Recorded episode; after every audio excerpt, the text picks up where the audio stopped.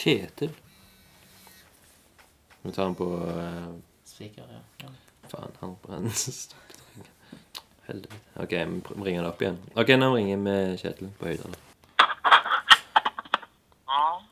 Hei, du. Hei. Spiser du på noe? Ja. Si hallo til Harald Harestad. Hei, Kjetil. Hareskår. Jeg kom på det når jeg så faktisk en jekk langs veien. Før vi bor på kino. Han, han er jo her. Han hører deg. Vi er på høyttaler. jeg, Hei, Kjetil. jeg vet jo det. Jeg har forstått det. Men du snakker kun til meg, da. Du. Bare lat som jeg ikke er der, Kjetil. Nek nekter liksom å anerkjenne at han er i rommet. Elefanten. Hvorfor ringer du, Kjetil? Nei, jeg ringte bare for å finne ut om Espen eh, var ledig på fredag. Ja, det er jeg faktisk. Ja. Ok, Jeg òg er ledig på fredag. eh. kult. Da Men- blir det en trio. Men eh, det er jo du, skal du, Må du være hjemme? Jeg må ikke være hjemme, nei. For det er Det litt kan høres ut som jeg er fem år. Nei, men det er bra, det.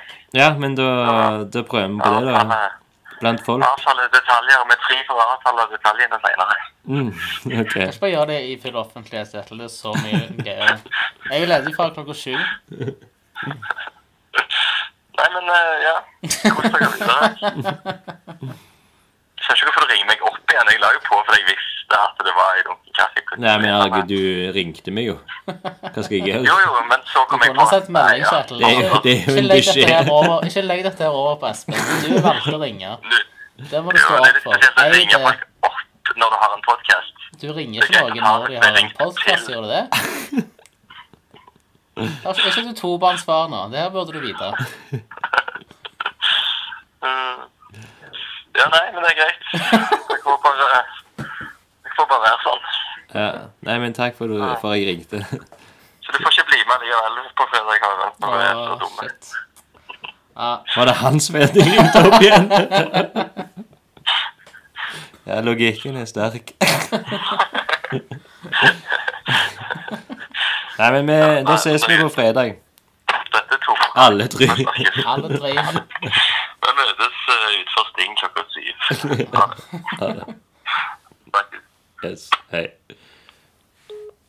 Da Har du introen, har du ikke?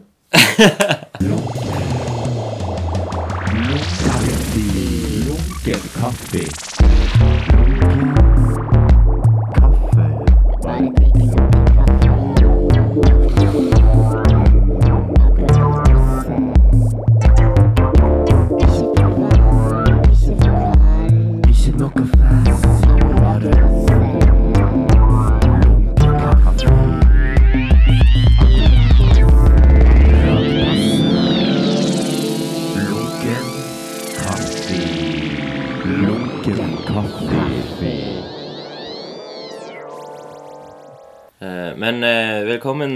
Harald Harestad. Kom akkurat inn døren nesten.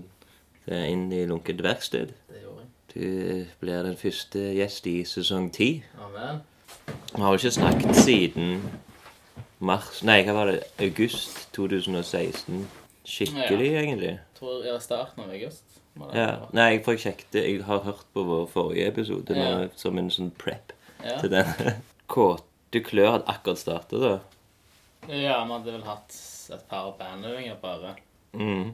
Litt usikker på Jeg satt og tenkte på det her om det Jeg vet ikke om Emil, som spiller bass, hadde blitt med da, eller om det skjedde rett etterpå. Det som skjedde, var Jeg hadde jo hatt et par øvinger med Jon den sommeren. Mm. Jon Salte. Ja, Jon salte. Og han var Da tror jeg da hadde vi Han hadde fått jobben da, tror jeg, når vi snakket sist. Så kontrakt. Ja, veldig. Altså prøvetid, uh, alt. er det sånn du gjør det? Ja, Skikkelig uh, auditions. Uh, Nei, det er ikke sant? Jo. Er det det? Jeg hadde, jeg hadde to, to trommiser før. Ah, ja, kult. Så du kjente han ikke før? Jeg tror vi hadde håndhilst eller vinka til hverandre Mm. en gang, tror jeg, halvt år før det. For han hadde også jobbet lenge med Folken, Ja. Bodd vekke. Og så når han kom tilbake igjen og begynte, å- jobbe med Folken igjen, da hadde jeg akkurat slutta på for et år i forkant. Oh, ja, okay. Vi hang ennå litt av denne altså, Ja. kompiser der. Så han kom tilbake igjen. Så skjønte jeg ikke helt hvem han var, for han kjente jo alle som jeg kjente. Ah. Og så var det ingen som sa hei, det er Jon Salte som har jobba her mange år. Mm. Så tror jeg jeg spilte så det siste showet som Half a King, tror jeg, i januar der 2016. Og den, det var den kvelden var første gang jeg snakket med Jon. Okay. Og han hadde akkurat slutta å drikke første gang, tror jeg. Så vant, yeah. han, vant han en quiz som hadde vært den kvelden som jeg hadde spilt på. Og den første premien var seks bonger på øl. Okay, Og så skulle ikke han ha det. Så så han meg, tror jeg, i baren, og så ga han meg en øl. Så, og så hadde jeg ikke snakket, snakket vi aldri, tror jeg, etter det før jeg sendte han en melding. Og så det liksom Hører du spiller trommer? Ja. Har lyst til å prøve? Mm. Og det var han tredje trommisen som hadde inne. OK. Og funka, funka som en kule fra, fra, første, Ja. fra første gjennomgang. ja, kult. Det er virkelig rart å tenke på nå. Men da, jeg had, da tror jeg Ja, jeg vet ikke om jeg nevnte han sist, da. Nei, det var egentlig Jeg tror du nevnte bandnavnet, da. Ja. Og at uh, det var noe på gang, liksom. Ja, ja, ja. Og at dere skulle ha For det, nå, det her hørte jeg på i går, ja. så, så jeg husker det ganske godt. Uh, og for de lytterne så kan dere gå tilbake igjen til sesong fem. Jeg, fant, jeg scrollet ned på nettsida for å finne den, og så fant jeg den ikke. Og så fant jeg Han er på iTunes. Ja, jeg fant, jeg fant jeg kunne laste den Jeg fant jeg kunne laste den Mm. her. Men så drev jeg og tenkte sånn, "Jeg har ikke jeg lasta den ned allerede? Og så gjorde jeg sånn deep search på min egen eh, datamaskin. Og så fant jeg den, og så hørte jeg Jeg tror jeg hørte de første ti minuttene, tror jeg. OK. Før jeg måtte jeg sprenge på jobb. Eller. Ja, ok. Men det var jeg har ikke sånn, du fikk ikke skrekkopplevelse? Det er sånn, Å nei, det er sånn jeg hører ut. Nei, det, det, har, det har vi jo vært i studio ganske mye, så jeg har fått Ja, men fått det snakket Altså, det blir jo noe annet enn den litt lyse skrikestemmen din. Verken å prøve å le eller mørkere. Jo, jo, jo, det sier noe, det. Eh, men jo, da, da, da hadde vi akkurat starta, og da tror jeg jeg, jeg jobbet jo med Emil på tau ennå. Mm, mm. Og jeg tror jeg spurte han enten rett før jeg kom inn snakket med deg sist, eller rett etterpå. Ja. Jeg tror det var rett før. Mm. Og det var veldig uklart. Jeg visste ikke jeg, hva jeg ville at det skulle bandet skulle være. Ja. Uh, men jeg var liksom sånn uklar på hvem Mm. hvem som hadde tid til å være med. Uh, prøvde å lære litt av feil som han har gjort tidligere. Jeg savner deg, jeg trenger deg, onkel gjensyn. Vi hadde vel første konserten et par to-tre uker etter. Mm. Ja, eller men det Også du reklamerte for en konsert Herregud, nå prøver jeg å snakke jævlig mørkt. Nei, eh, eh, Nei, at du prøv, holdt på å reklamere for en konsert du skulle ha i eh, øvingslokalen til eh, Hold fast. Ja, ja. Og det skulle iallfall være den første konserten. Det skulle være den første konserten. Men jeg vet ikke om det var det. Nei. Um, det falt igjennom, dessverre. Jeg hadde sett Nag, som jo gjør det dritbra nå. Er ikke det det samme? Eh, Eller iallfall en av de samme Ja, i det samme. Holland, Ja. spiller trommer der. Ja. Uh, og så hadde han sagt ja i forbifarten, for de hadde Jeg tror det var Jeg tror, tror det var første konserten til Nag. Men de hadde med seg Trashers og jeg som oppvarming. Det var skamfett. Og han inviterte ja, så mange som mulig Mm. som de visste var into deres greier. Ja. Og det var det jeg ville ha. Og så datt det gjennom, jeg tror, for en eller annen grunn der, som gjorde at vi plutselig ikke hadde venue til første konserten likevel. ja, sånn, ja. Og på det tidspunktet så hadde Emil og bestemt seg for å flytte til Oslo. Mm. Så det måtte liksom være Enten så måtte det være helt til slutten av august og tett opp til den originale datoen som mulig, eller så måtte vi vente til typ oktober-november. Ja. Som gjorde at Jeg tror det var Jon som heiv seg rundt og ba på sine knær til tolken, som gjorde at vi fikk spille i akvariet der Ja. i hovedkafeen, eller kafeen der, Mm. på en sånn internasjonal student-union get-together eller et eller annet. Så vi kom, og jeg tror, jeg husker ikke, jeg tror ikke vi la noe ut, gjorde vi det? Eller la vi noe ut? Eh, jeg fikk melding av deg. Ja, jeg tror, ja, jeg tror Mm, vi gjorde det sånn, så- at vi bare sendte meldinger til, Mm. til folk som vi ville skulle være der. Eh, Og så visste vi jo ikke hvor mange som kom. Jeg hadde ikke Nei. trodd at det skulle funke. Eh, Jeg har spilt i Akvariet før vi rock i band, og det har ikke funka så bra. den Ok. gangen. Og jeg husker gjerne vi fikk kjeft på lydsjekken. For det var Ordentlig, ordentlig kjeft. Kanskje det var galt? Ja, altså sånn type At det Det er var for høyt høyt, ja. først. Og det var liksom sånn Jeg tror sånn, Du får jo alltid den beskjeden, men dere kan dere skru ned. Eh, Det er fire deler, det er bare for høyt. Men ikke Mm. sånn kollektiv. Jeg tror det var tre eller fire stykker i rommet som var der når vi hadde lydsjekk. Mm.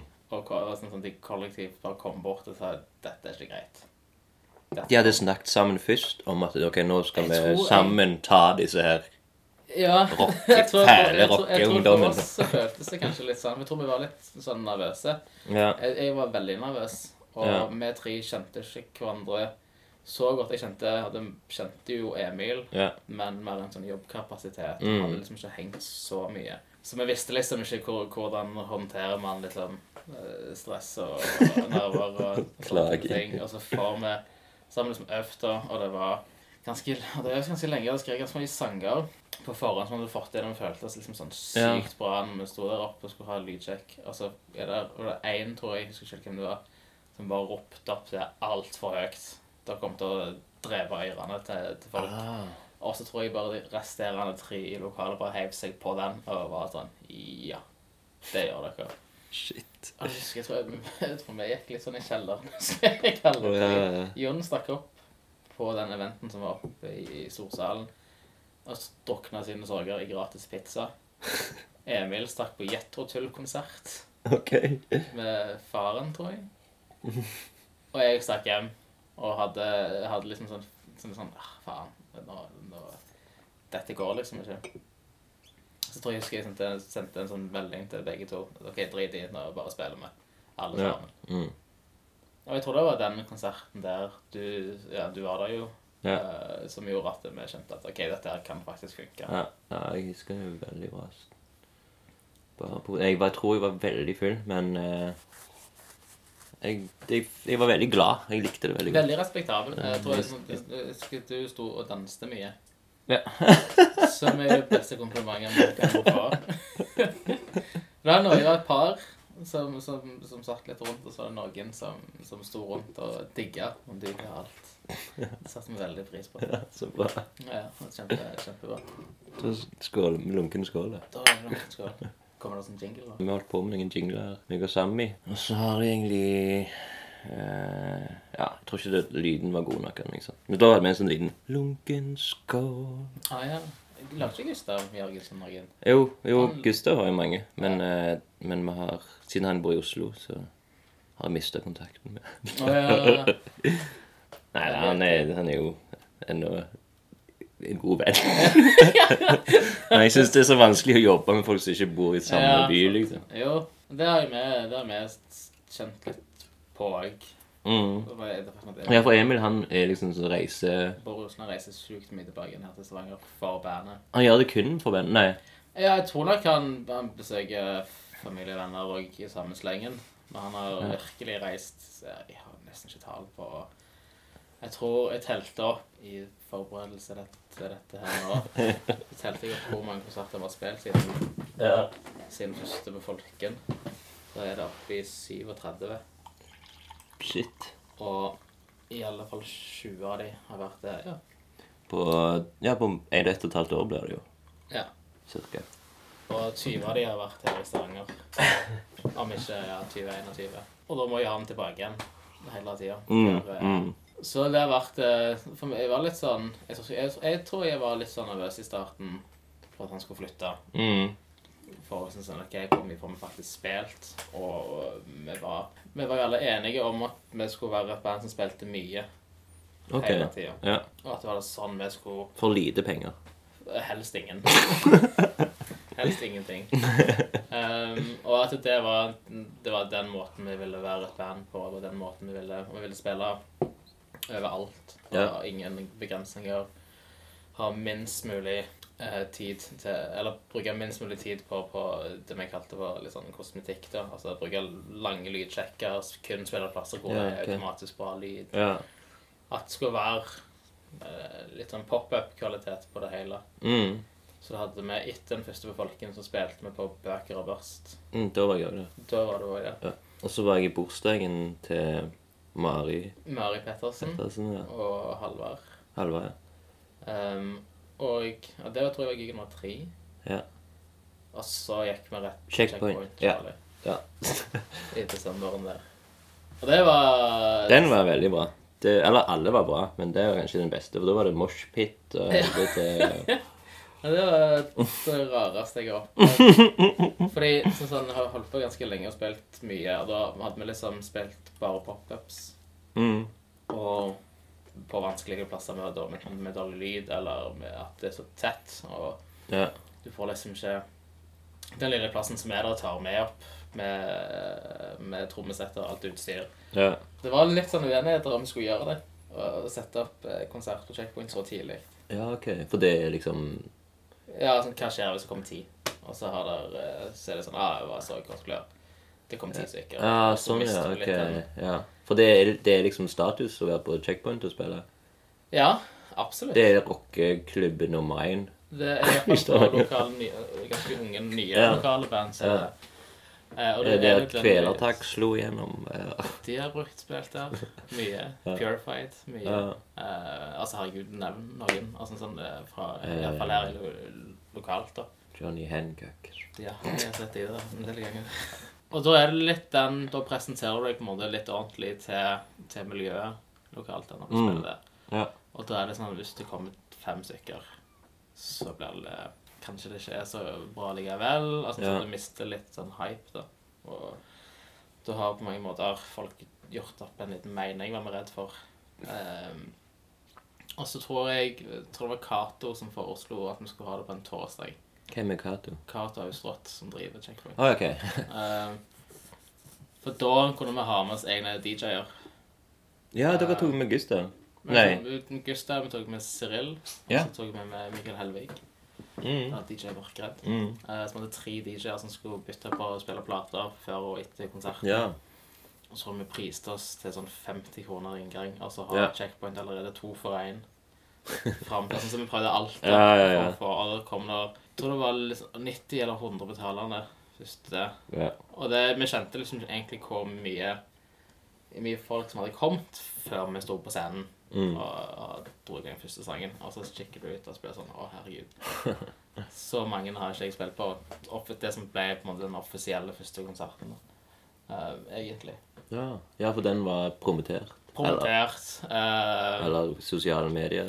ja, første gang du kan kjøpe billett Ja. på forhånd. Mm. Typ. Og jeg tror det var det som jo kickstarta Jeg tror eh, i alle fall den der Shit, vi kan være mer enn et band som spiller pop-up-konserter. Mm. Da sitter vi her. Ja, Nei, det har jo skjedd mye mer etter det òg. For nå, for nå er det faktisk Det du nevner nå, disse her fire konsertene, det er de eneste konsertene jeg har sett av Kåte Klør. Å ja, helt i starten. Ja, så, så tror jeg det begynte å på grunn, Litt på grunn av det kosta penger. og, og så var det sånn Men så var jeg sånn, sånn usikker på ah, nå, nå har jeg hørt de fire sangene, eller fem sangene. dere hadde. Så, Eh, jeg heller venter til de kommer på Men de kom aldri på Spotify eller noe. Hun slapp en singel forrige uke. Ja, men det var ingen av de fire første. Uh -uh. Uh, Så hva har skjedd, liksom? Er de fire første Er de liksom bytta ut mot en hel haug med mer, eller har dere bare lagt på? noen av de Er det noen som liksom ikke holdt ut? eh, en, det, altså, sånn, det, Holdt tidens tann? Jeg tror vi tenkte Jeg tenkte i hvert fall sånn siden jeg skrev sangene. Mm. Um, så var jeg veldig opptatt av Jeg tror vi snakket sist om uh, Ja vel. Ja, den snakket vi om. Den er der ennå. Den har vi Den er der ennå. hver eneste Ja. konsert, tror jeg. Ja, men den er kul. Eh, og så er det noen som sånn at eh, jeg tror Martinique. Martin Eik droppet vi, tror jeg, etter, jeg tror etter checkpoint.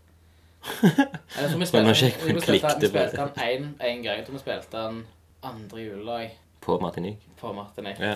Eh, når vi varmet opp for uh, Jakob Håkon-band.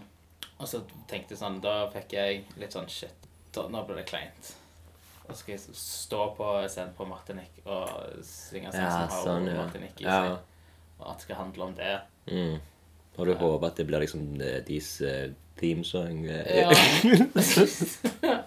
det, Det så avslutter kvelden. ja, det, sånn- det, det var helt merkelig. Så jeg tror at etter etterpå det så tror jeg var sånn sånn Nei, aldri mer den sangen. Er sant? Og jeg har gjort den samme tabben før òg tidligere. Jeg tror jeg spilte på Checkpoint en gang. Så hadde jeg en sang som het Checkpoint Charlie. Å ja, Og så ble det bare kleint. Og så, går det ikke. Jeg tror jeg Du kan ta det opp igjen om sånn 50 år, Kanskje. som en sånn eh, nostalgisk Når Martin ikke har lagt ned. Ja. Vil gjenopplive. Får kjøpe det, gjør det. Nei. Nei, men eh, jo, de Vi spilte Vi hadde vel fem sanger helt til starten. Mm. Og ja vel, tror jeg, den som holdt, har holdt ut lengst, den spiller vi ennå. Ja. Her er det nesten religiøst. Ja. Um, og, Var det den første du skrev òg? Mm. Ja. Det er den første skrevet. Første Kortgløp-sangen noen av de andre i bandet jeg spilte. Mm. Um, Eneste dere kan utenat. ja. Den eneste kan i søvne. Ja, ja. Og den, er, den har vi spilt inn også, så den blir en singel Mm. en eller annen gang, tror jeg. ja, kult. Um, som jeg, gleder meg veldig til. Ja. Uh, så den er egentlig Men av og til så drar vi noen fram igjen hvis vi skal, uh, hvis vi skal spille lengre sett enn det vi er vant Mm. til. Ja. Um, så drar vi fram noen av de er gamle. Men Hvor mange har dere nå?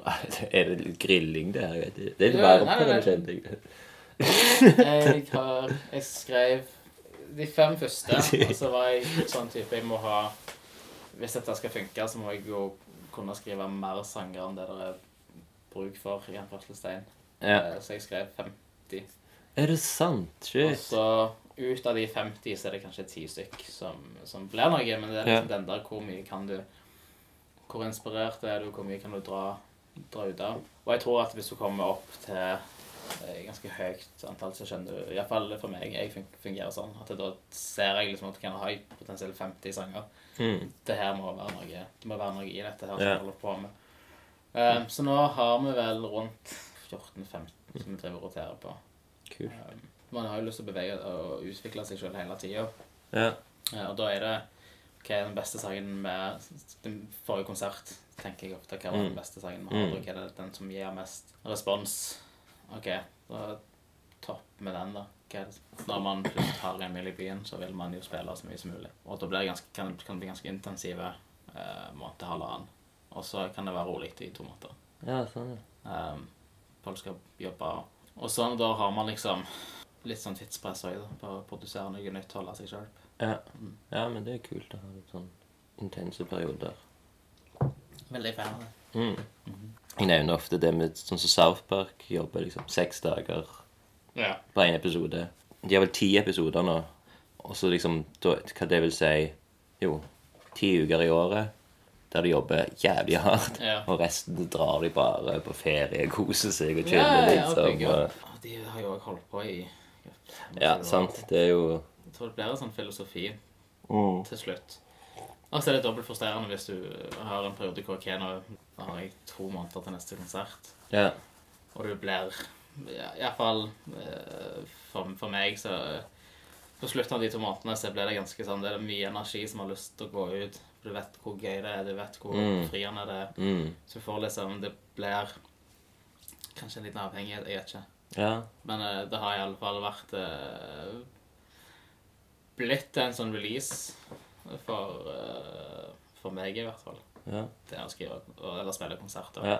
Og da må du ha nye sanger som oftest. Så vi merker fort hvis det går to-tre konserter på rad uten at man har spilt en eneste ny, ny Ja, sang, sånn man blir veldig komfortabel. Og, Mm. og da begynner, hvis man blir komfortabel, så begynner man å lete etter positive signaler eller bekreftelse en helt annen plass enn det Mm. faktum at det var gøy å spille, at du ble svett, eller at det Ja. kom masse folk, eller at, folk, de som var der, syntes det var bra. Mm. Du, du får liksom ikke, du har ikke den samme nervøsiteten og den samme spenningen i kroppen som når du skal gjøre noe nytt for første gang. Ja. Som den første Ja, konserten, eller. Og da tror jeg altså, Godt tupp i ræva til alle å møte opp uh, en øving som noen nå er jeg i sanger. Mm. Altså så spiller man gjennom de så godt man kan, og diskuterer og tar den fra hverandre og setter de sammen igjen. Og så blir det som oftest at vi lander på å spille én Ja, ok. mye. Ja. Og så er det kommer litt an på hva, hva situasjonen er. Nå har vi fått spilt ganske mye store konserter, iallfall store for oss. Ja. Jeg tror rett etter den første checkpoint-konserten så var det skulle være med for Jakob Håkon Band, som jeg nevnte tidligere. Mm, andre juledag. Andre juledag der. Og det er for meg òg, som som, har jobba i konsertmiljøet i Stavanger siden jeg var 18 år. Mm. Så den dagen der har betyr ganske mye. Ja. For det er en stor dag hvor plutselig så spiller Kvelertak på, eh, på Checkpoint Charlie igjen. Eller Mm. Purified in Blood. Eller at det er Og så plutselig har Sementen en konsert, og så har Martinique en konsert. Så det er Det blir Og da er det som regel ganske høy standard på de som får lov til å spille. ja. Nå har ikke vi hatt en egen konsert ennå, men vi har hatt eh, to support-gigger nå to år på rad. Og da merker, kjenner jeg sjøl at det, det betyr noe litt mer Husker at jeg pleide å gå på de konsertene og tenke faen, Mm. Jakob Håkon Band var dødsbra. Ok, ja. Og det er det for så vidt ennå. Ja. Til sånne type konserter så kjenner man liksom litt sånn ekstra på det. Og da tror jeg vi spilte ganske mye i den perioden der. Og etter det så spilte vi Martinique igjen. Da varmte vi opp for Hanne Vasshus. Ja.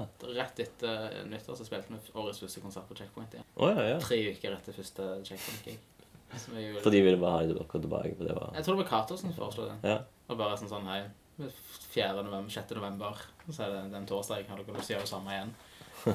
Og så sa vi ja. Olav Larsen på support. mm.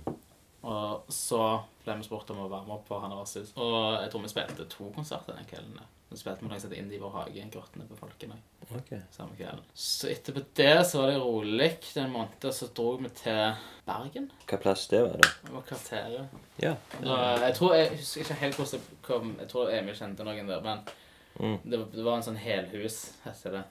En sånn event for studenter. Og så har de et tema på hver gang. Ok, hva var temaet? Det var temaet BDSM. Ok.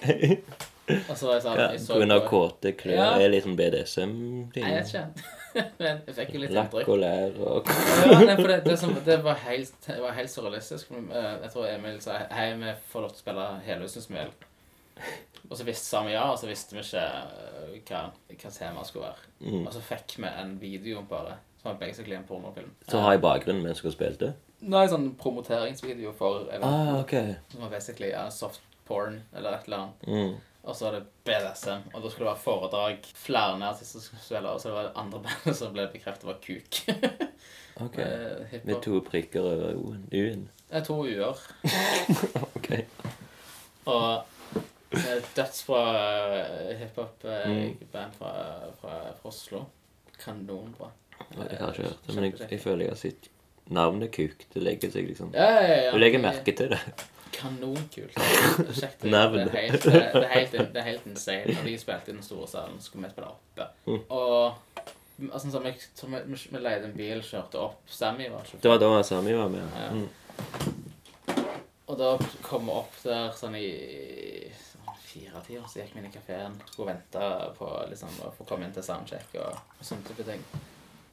Og mens vi sitter i kafeen og drikker kaffe, så er det en, en dame som går ut med en mann i sånn kjettingbånd og går Han er på alle fire og går rundt. Mm. Mens det er en annen mann som går Eller en annen dame som går bak han igjen og ja, slår med en fisk.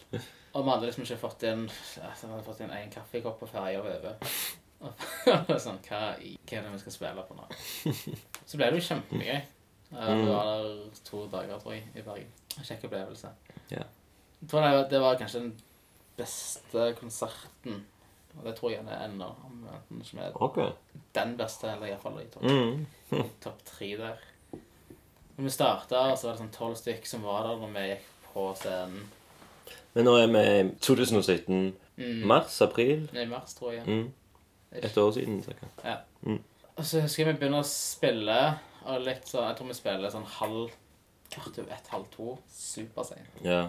Og vært litt sånn slitne hele dagen. Og idet vi begynner å spille, så detter det en 20-30 stykker til som okay. har hengt rundt. Jeg tror vi var siste som skulle spille. Og velta en, og så var det ballonger overalt.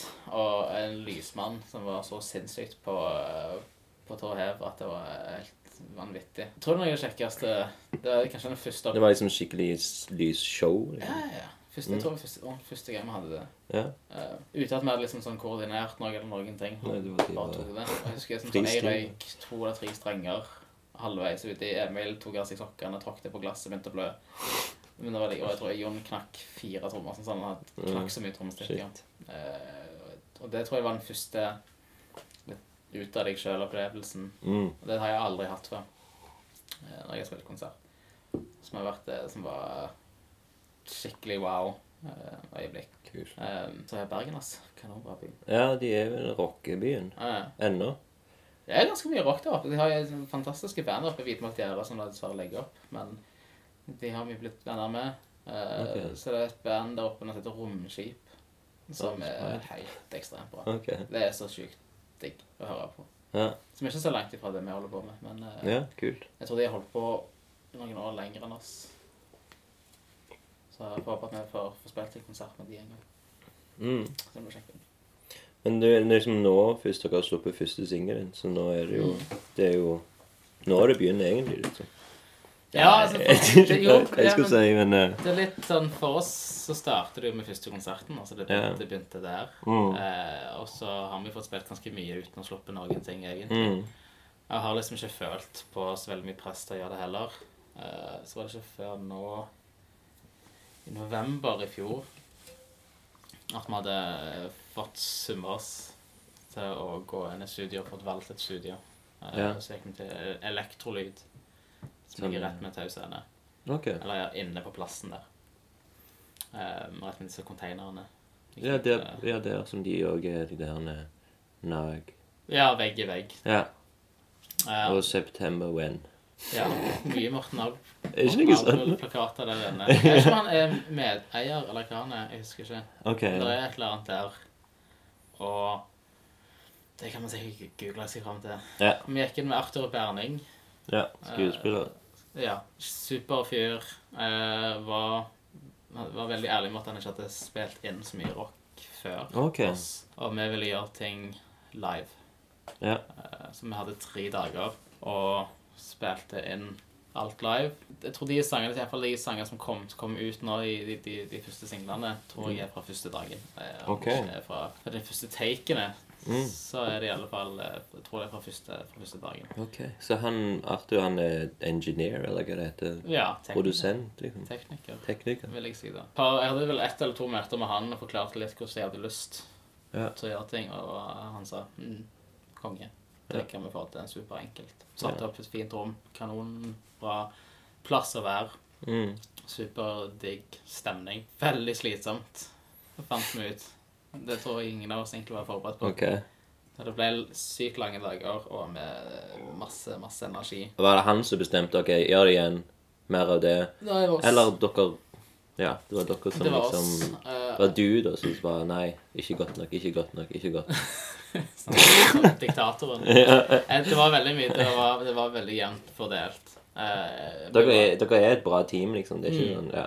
Eh, tre veldig forskjellige mennesker Mm. og har tre vidt forskjellige smaker innenfor rock.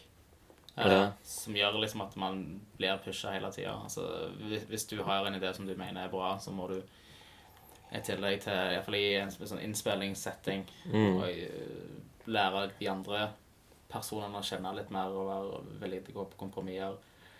Eh, og ikke bare skrike høyest. Det tror jeg vi lærte til første dagen. Okay. Eh, og det var egentlig sykt interessant. Og vi hadde eh, Ja, Emil har en måte å gjøre ting på som han liker. Jon har en måte å gjøre ting på. Jeg har en måte å gjøre ting på. Ble jo tydelig ganske tidlig at vi hadde altfor god tid. Ok. Eh, så det ble liksom Og det, den luksusen der er ganske farlig.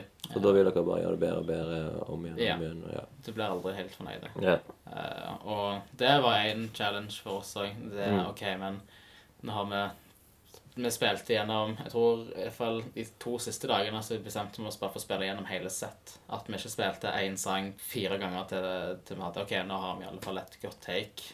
Ja. Vi skifta litt vekk fra det på slutten og bare spilte konserter, da, så å si. Mm. Hvor vi spilte de fem sangene på rekke og rad uavbrutt. Og da skulle du ha like mye energi på den første sangen ja. og, for det er jo ikke en konsertsituasjon, selv om man presenterer som det. Vi hadde lys, vi skrudde av taklysene og prøvde å komme oss i så, så mye tett opp til den uh, følelsen som overhodet mulig. Men Eh, er dette planlagt en EP, da, eller? jeg tror det blir singler. Ja, Vi har gått sånn frem og tilbake på hva vi ville, hva vi ville men mm. uh, vi har planlagt vi singler nå før sommer. Nå kommer den første. Skal du slå mot et drevet for uh, forrige uke? Ja, ja, ja. Det er jo den som det òg fins musikkvideo til. Ja. Mm. Spilt inn på Tau scene. uh, Sara, som òg jobber sammen med Evig lytter. Sara Margrethe Hestnes. Evig lytter. Evig lytter er blogg som eh, er drevet inn til Patrick Fardal, Big Chief der. Som er veldig, veldig engasjert. Tror han flytta til okay, men jeg, jeg, bare, hva er evig lytter, og hvem er, eller hva, hva er det bloggen om, da? Det er en, det er en blogg om, Om- rockemusikk. Ok, ok. OK, nå forstår jeg. Ja. Som uh... altså, jeg har ingen peiling på musikk. eller om scenen. Men Evig lytter er en blogg. er en blogg, ja. Eh, Og Sara er regissøren til Hun er med, de har videoen. lagd noe de har, Evig lytter starta Eller har et konsept hvor de har uh, live-innspillinger av band Mm. i studioet. Gamle øvingslokalet til Nag. Ja. Og så har de intervju. Og ut ifra Jeg tror vi spilte på musikkfest i fjor på Tau Scene. Og da hadde vi kontakt med Sara, som lagde en video for oss. Det er en live-video Ja. eh, av 'Skal du slå meg og drepe'. ja. Og så holdt vi kontakten utover det og bestemte oss for å lage en video med hun En ordentlig video Ah, Uh, i ølhallene på Tau Scene. Ja. Som var superkult. Ja. Og, så vi slapp til som videoen rett før singelen. Og da hadde vi venta ganske lenge eh, til å komme ut i i starten av mars. Eh, og vi var ferdig innspilt midten av november. OK. Eh, og det var, tror jeg, jeg hadde alltid den ideen om at hype får det ut så fort som mulig. Ja, ja, ja. Du fikk liksom ikke se videoen sjøl før den ble sluppet ut? Eller var du med i prosess, klippeprosessen? Og eller- ingenting med Kun Ja, Sara. ok. Ja. Um, som, Hvordan er det, da? jeg tenker jo, det, vi, vi det er jo, Da har du hatt, vært med, har du hatt en musikkvideo før? Nei, Det var den første, liksom? det var min første første Debut som eh, Hva heter det? Det, vi det er jo ikke helt skuespiller, men litt? Ja, jeg tror, jeg tror vi Jeg hadde ganske mange ideer. For, altså sånn, nå, nå skal jeg prøve å forklare musikkvideoen. Du har sett den? Jeg har sett den, ja. ja. Og jeg vet ikke, du har mye en kule som, det, som du spår i, eller noe sånt. En lampe. En lampe, ja. En lampekule. Og Jon har en sånn eh, diskoball, og Emil har et TV. En TV. ja, så det er liksom det dere De tre tingene dere holder litt på med Ja. videoen og videoen. Er det du som ødelegger gitaren Ja. òg? Ja. Det er liksom bare tøft. Eller er det et konsept? Nei, nei, liksom, altså sånn, jeg tror Jeg satt meg ned med, Jeg hadde et møte med Sara. Hvor, altså, jeg har aldri lagd musikkvideo før. og Aldri, uh, aldri holdt på med film. mm. Men du har gått dramalinja. Jeg har gått ett år på dramalinja. Jeg hadde følelsen av hva jeg ville få fram. Ja. Vi hadde liksom ikke helt tid eller gutsen til å liksom sette oss ned og lage en skikkelig story. Mm. Som gjorde at uh, vi fokuserte bare på å få fram bilder eller en slags sånn feeling. da. Mm. Jeg hadde lyst til at det skulle være litt creepy. Ja. Uh, og i selve innspillingen var jo alt annet enn creepy. Selv om vi var i, i ølhallene hvor det er ikke Kaldt. kaldt og mørkt Ja. og eh, til skummelt. Og vi hadde liksom sånn PR-anlegg vi bare spilte creepy, rar musikk Mm. eh, konstant. Dere spilte ikke deres egen sang? Sara bruk, jeg hørte på den et par ganger. Vi skulle prøve å time noen kamerabevegelser. Ja, okay. Men vi brukte ikke vår egen sang til når vi skulle stå foran kamera. For det, jeg så jo en, en liten, eh, et klipp der du sier noe. Mm. Jeg sier 'skal du slå, må du drepe' til en Ja, de utstoppa det. Ikke om det, det er ikke. Litt treigere. Ja, veldig sånn. Ja. Men det er en, Sarah hadde en kråke Ja. eh, med litt sånn, sånn monokkel. er det det? Ja, ja, ja. ja, det var Det, kult. så det var creepy, så den kunne mm. ta med. Og så hadde jeg sagt OK, jeg skal knuse en gitar. Mm. Um, jo, jeg hadde, jeg hadde egentlig bare lyst til å gjøre det, tror jeg. Ja, ja, det er jo den klassiske rocketingen som skal, må gjøres. Jeg har gjort det, jeg har slutta å gjøre det på konserter. Jeg, har- jeg har lagt fram idé. Ja. Men, eh, så det, det hadde jeg lyst til å gjøre. Og så sa Sara jeg har en diskokule som dere kan knuse. Jeg tar med den. ja. Så det ble, var litt sånn hele videoen ble satt sammen. Mm. Da. Eh, Og vi ble enige om at vi hadde sånn ti sånne punkter eh, hvor, som vi hadde satt opp på sånn halvveis ting vi ville filme. Eller vi Mm. skulle filme. ja. Og så halvveis ute i innspillinga, Så det var jo det var ikke, det var ikke noe creepy med det. Det var mer løye. Og det ble, så ble du litt sånn usikker. Kommer folk egentlig bare til å le av det? Og sånn kan du egentlig ikke tenke. Altså Du må Nei. bare kjøre på. Så du ble egentlig bare enige om å ha det så gøy som mulig Mm. mellom oss, da. For, eh, jeg syns videoen er veldig kul. Men jeg, men jeg sitter jo igjen med spørsmålstegn. liksom, Ja.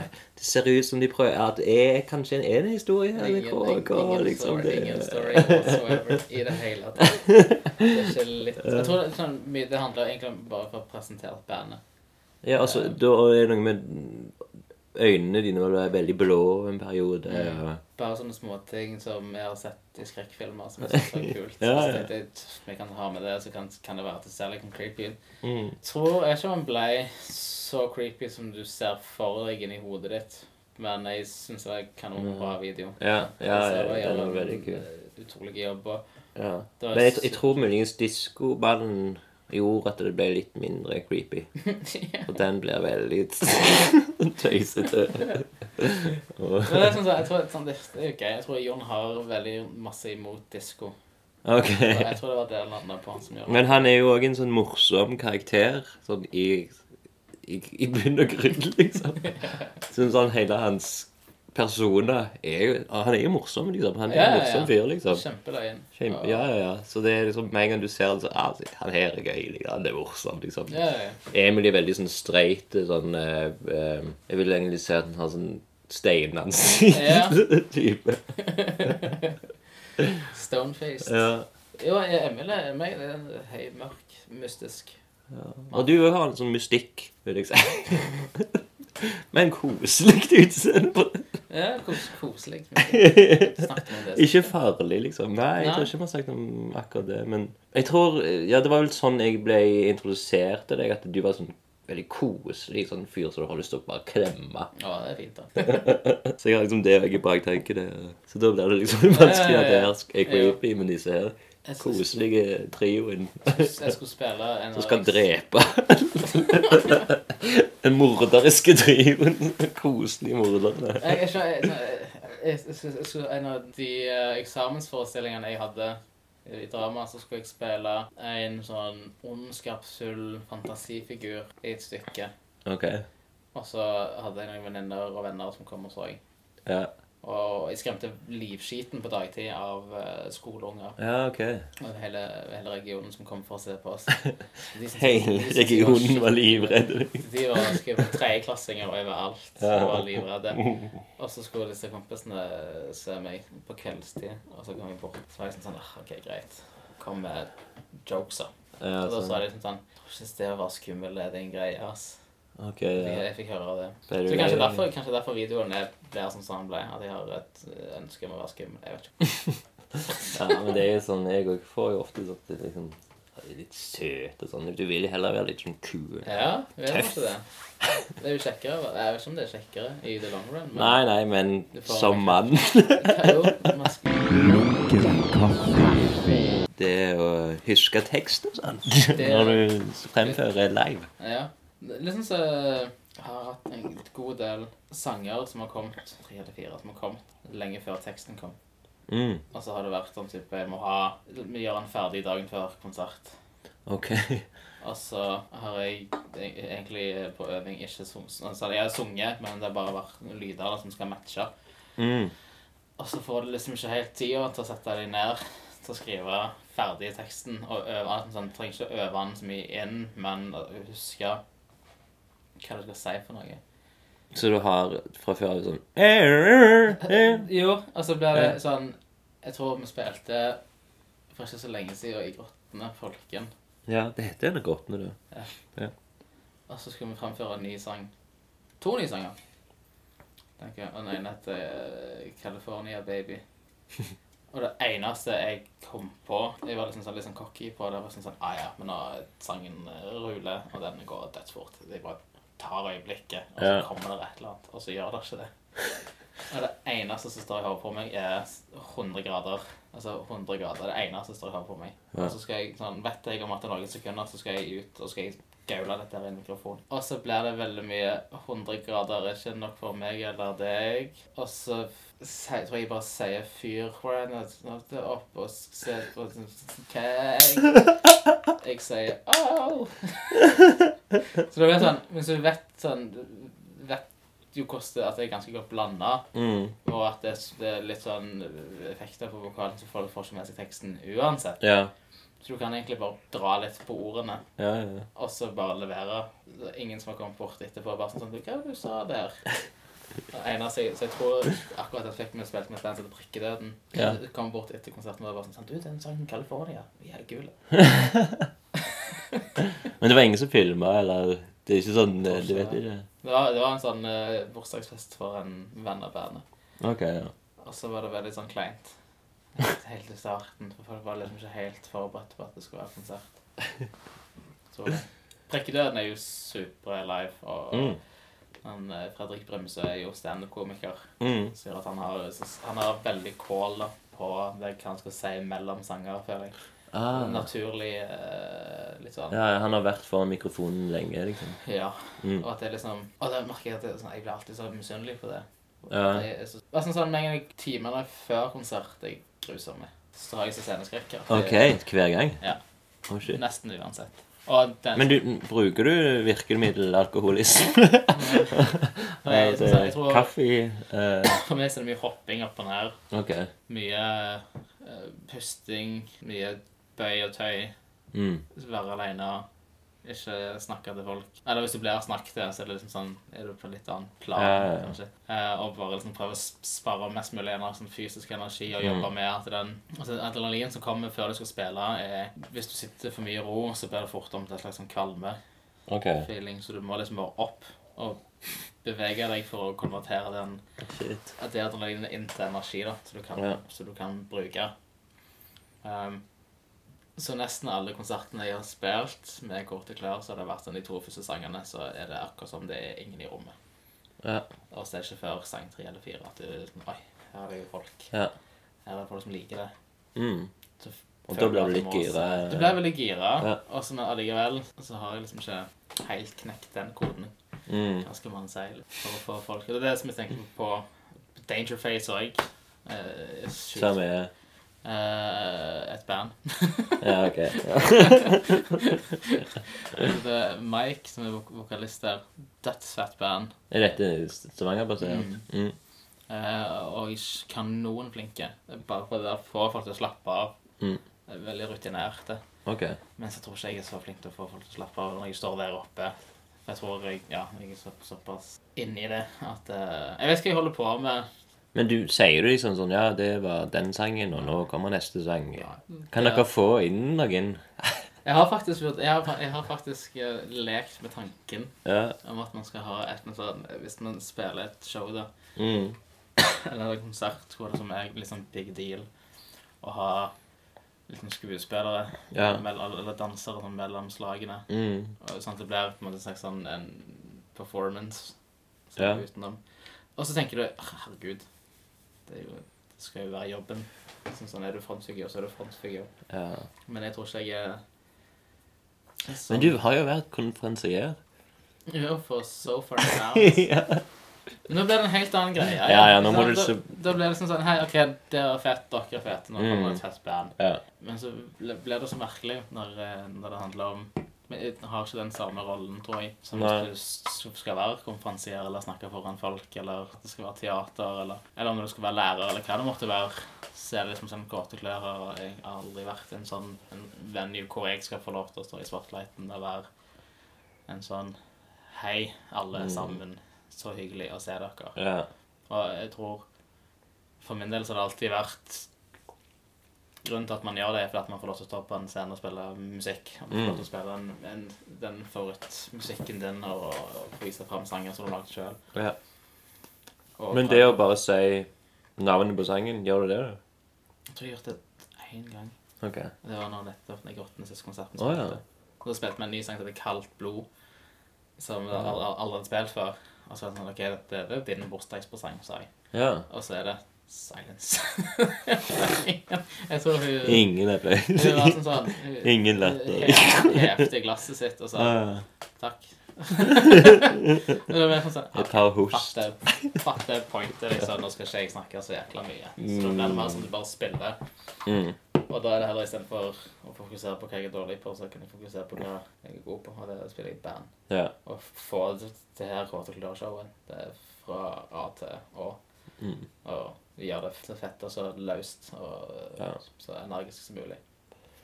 Men det er jo Jeg vet ikke hvor mye folk følger med på sånn mellomsnakk eller sånn. Jeg husker jeg, jeg var på en eh, konsert på Sementen med Slagsmålsklubben.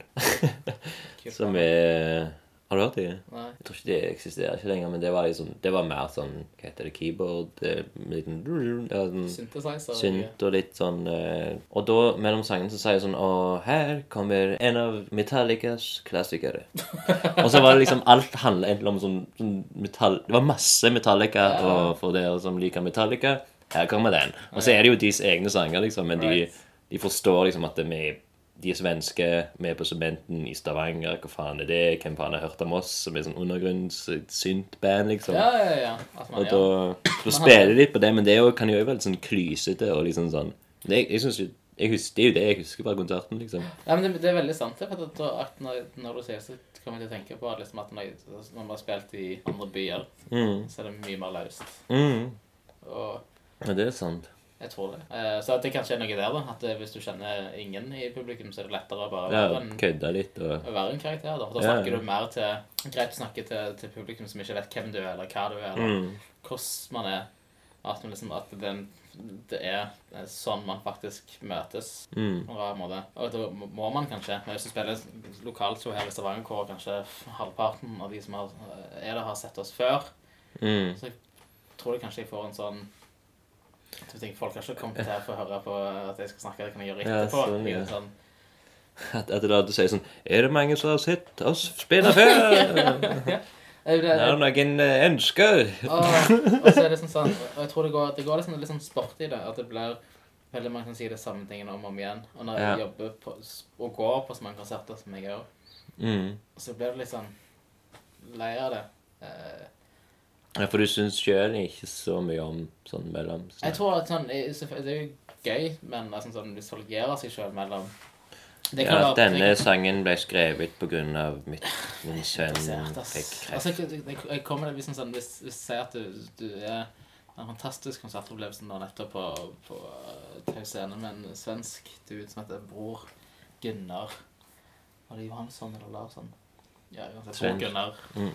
Superkult. En dude med masse utstyr, en stor tromme og Mm. å bluesgitar, men samtidig som spiller trommer med beina, så det er masse sånn rare sånn Hvordan trommer med beina?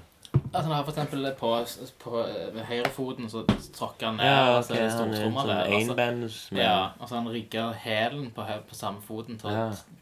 ta borti en Ja, okay, ok, ja. og så på Mm. venstrefoten så har han en skarp trommer som han har satt opp på kanten, og så okay. har han en pedal med en trommestikker på. Samtidig som han spiller han ned, altså? Sittende. Ok, ja. Så har han gitaren på fanget, og så spiller han kompliserte bluesriff og har en stemme som er helt sinnssvak. ja.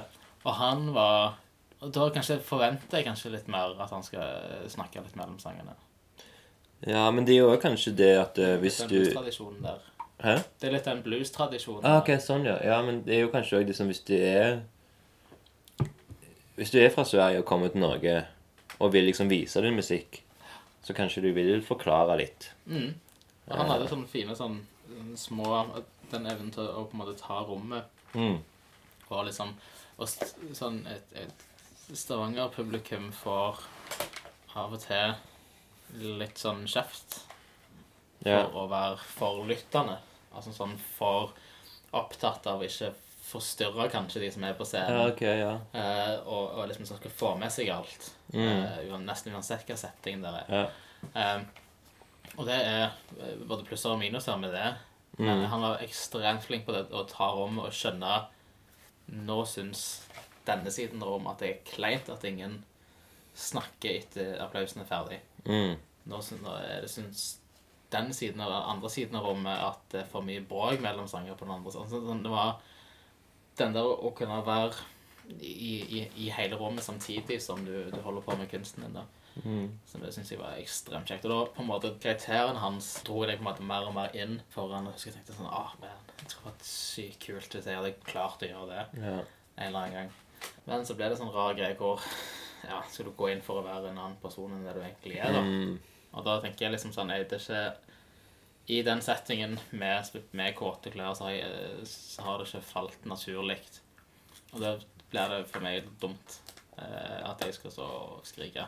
Ja. Nå kommer det en sang som heter sånn og sånn. Av og til så gjør man det, men da er det kanskje fordi ja, det faller naturlig. ja. Men så er det sånn, bryr folk seg egentlig?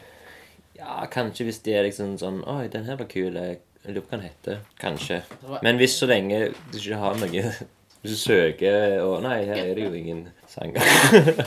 For jeg så videoen en gang til i dag, og da var det et par sånn live eh, det, Var det fra den her eh, blogg... Nei, eh, det var når vi skulle prøve å få i stand konserter og sånne ting utenbys, så, Mm. eh, så må man kunne vise til noe. Vi fant ut veldig Ah. fort da, at det, det her, det, ingenting skjer. Altså, du kan være så god du bare vil eh, i byen din egen by, Ja, ja. med mindre du kan vise til noe. Mm.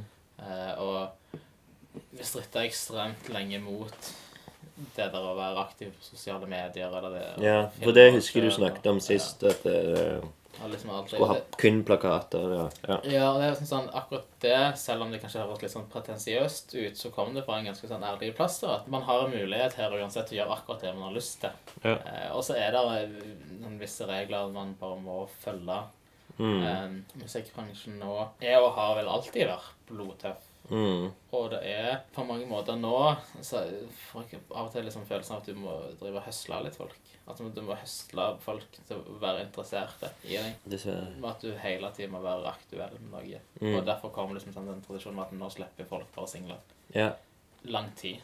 Mm, det er det jeg gjort. Mm. Eh, Og det var liksom sånn for oss òg sånn man har så mye sånn du, du vokser opp med det. Du vokser opp som tolvåring og, og, og sitter og skriver ned sånn potensielle bandnavn, eller du tegner kanskje albumcover, Mm. så, så har du disse her store ideene om hvordan du skal være Ja. som kommer fra kanskje noen som du er inspirert av.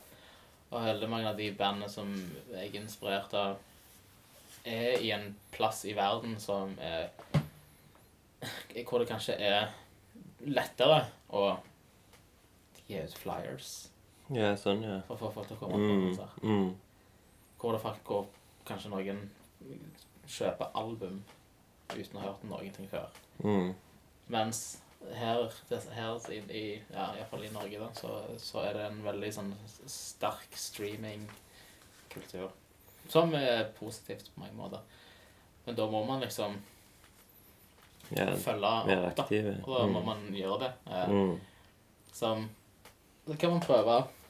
Og enten så jeg, jeg, jeg tror ikke helt at man, man, man må gi opp alt av det man har lyst til å Eller den ideen da, om hvordan du mm. har lyst til, til å gjøre ting, men at Ja. du, du, kan, du kan prøve å blande eh, og prøve å gjøre din egen greie. For det Mm. som for et nytt band er sint. på en måte klare å navigere litt når ting, plutselig ting skjer med eh, bandet ditt som du kanskje ikke hadde forventa, eller Ja, ja, ja. som kanskje har gått og venta mange år på. Og så plutselig Mm. så skjer det, og så har du sånn Damn, hva gjør vi nå?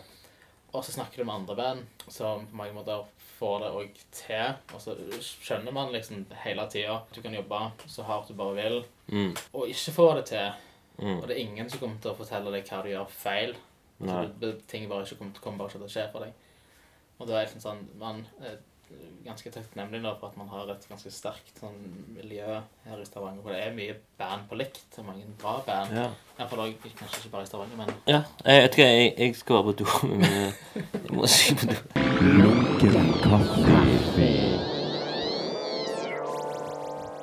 Før vi tok pause nå, for jeg skal legge inn en liten pause, så uh, har jeg egentlig veldig lurt på eh, hvordan s- musikkmiljøet i Stavanger egentlig. Jeg kjenner litt til rapp, og litt sånn, litt, kanskje litt elektro. Jeg vet litt om de her Altså, vi er jo på konsulatet, der er det jo sånn der eh, noise Nei, hva heter det? Sånn rocke... støyrock. Støyrock, ja. Sånn kultur. Så, men jeg lurer på hvordan rockemiljø Det er vel der du, du er liksom i, midt i der, og dere har liksom mye kontakt og uh, hjelper Er det liksom et godt miljø, liksom? Jeg vil si det. Mm. Eh, man har jo alle sine forskjellige oppfatninger av hva man er i den grad man er mer i et miljø. Men Mm. jeg tror at når jeg var yngre, ti år siden, så hadde man liksom ikke noe inntrykk av at det var et miljø. Nei.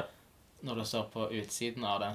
Mm. Uh, men og, jeg husker når vi starta Kåte klør og begynte å spille konserter, så var vi liksom, vi kjente liksom ikke til så veldig mange andre band. Nei, det var helst den der eh, Nag Eller det som var Du kjente til de du jobba med. Så Ja. jeg visste liksom sånn, jeg visste, kjente godt til Hold Fast og, og Mm. til Nag. Og, og visste liksom sånn om et av mine favorittband lokalt, Sassy Cramsbury. Har jeg vært okay. der i en evighet nå. mm. Og, og fortsetter å sparke ræv. Og så kom eh, Jeg tror det var i fjor, etter hvert når vi begynte å spille mer og mer og mer Mm. og begynte å og, og i tillegg òg treffe på folk som jobber ikke bare med å lage musikk sjøl, men som gjerne gjør andre typer ting, som arrangerer konserter. Mm. Og da er det spesielt sånn for oss Siloen Booking, som står bak Tunghørtfestivalen.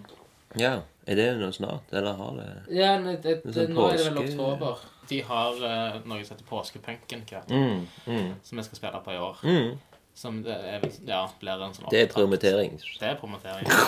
Hører du? Hva dato som bare legger den inn der? Eh, Påskeaften. Det er 31. 31. mars. Ja, lørdag. Når man kom inn med, og begynte liksom å spille for Siloen Booking. Siloen-folkene, Mm. så åpna det seg opp en, en hel verden med folk som ikke bare spilte i band, men som, men som spilte i hverandre sine band, eller som var Mm. ekstremt ærlige og åpne om forskjelligheten for Ja.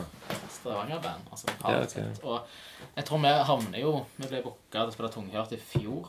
Mm. Um, etter jeg hadde spilt musikkfest, som òg er en stor en. Da ser man jo hvor mye det er, hva er det, 130 konserter eller et eller annet på en dag. Ja. Hva dere spilte? Vi spilte først på Nytorget, og så i scene to på Tau scene. Ja. Hele 19, samme. Altså rett ut for Martinique, Ja. der i gata nesten? Ja, da er det en svær scene.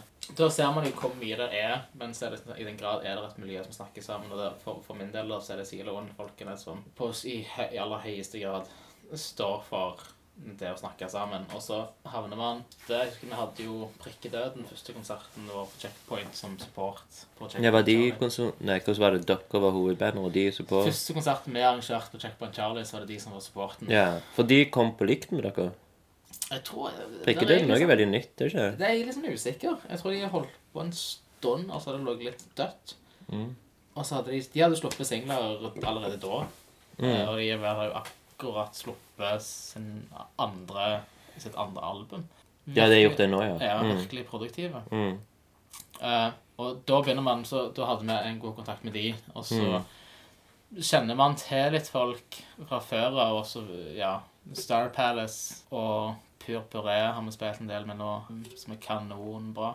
Okay. Uh, Danger Face har jeg nevnt, Mm. som skal være Vice Rain.